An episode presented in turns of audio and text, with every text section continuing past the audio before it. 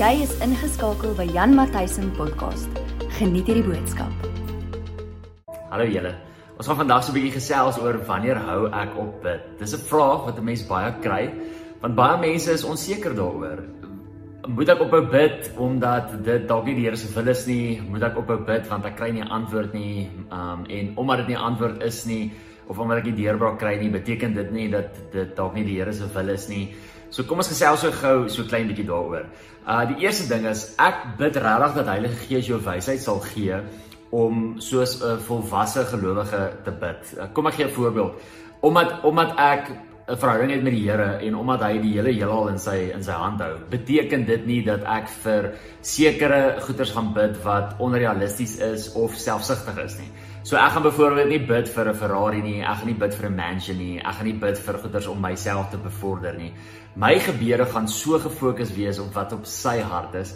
My gebede gaan so gefokus wees op dit wat hy sê en dit wat sy beloftes is.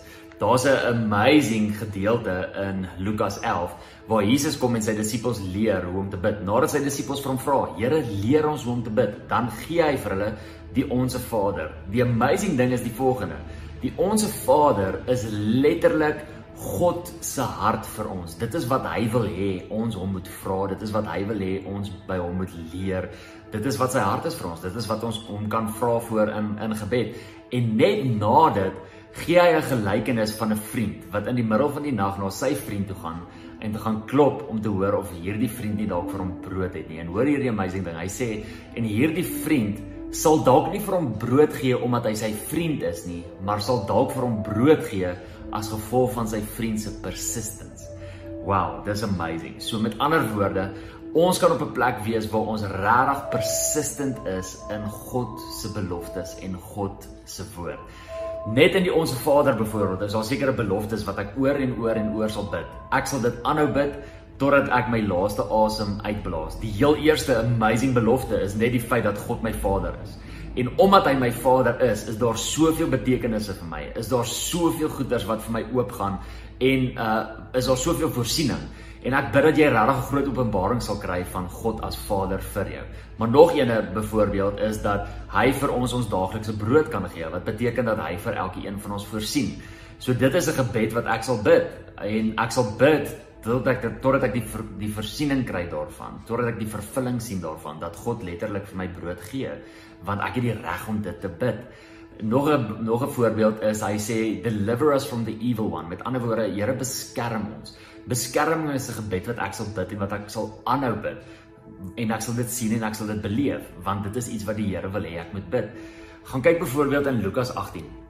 In Lukas 18 gee die Here 'n gelykenis en hy begin hierdie gelykenis um en die Bybel sê dat die rede hoekom hy hierdie gelykenis gee is so that people will not become weary and stop praying. Met ander woorde, die Here gee hierdie gelykenis sodat mense nog steeds sal aanhou bid en dan gebruik hy hierdie verhaal van die weduwee wat by die onregverdige regter is en by hom klop sodat sy 'n regspraak kan kry van hom af.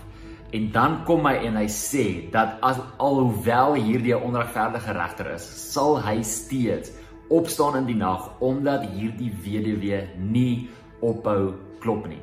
En dan gaan hy aan en hy gee die vergelyking oor hoeveel te meer sal die regverdige regter, hoeveel te meer sal God nie as ons aanhou klop vir ons 'n antwoord gee nie. So wanneer hou ek op bid? Nooit nie. Ek hou op bid die letterlik wanneer ek die belofte in vervulling sien kom of ek hou op bid wanneer ek my laaste asem uitblaas. Moenie ophou bid nie. Staan vas aan God se woord, staan vas aan God se beloftes.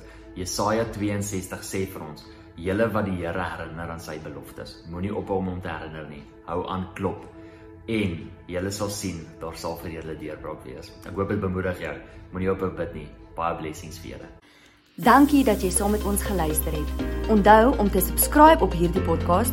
Volg ook vir Jan op Facebook en YouTube. Tot 'n volgende keer. Die Here seën jou.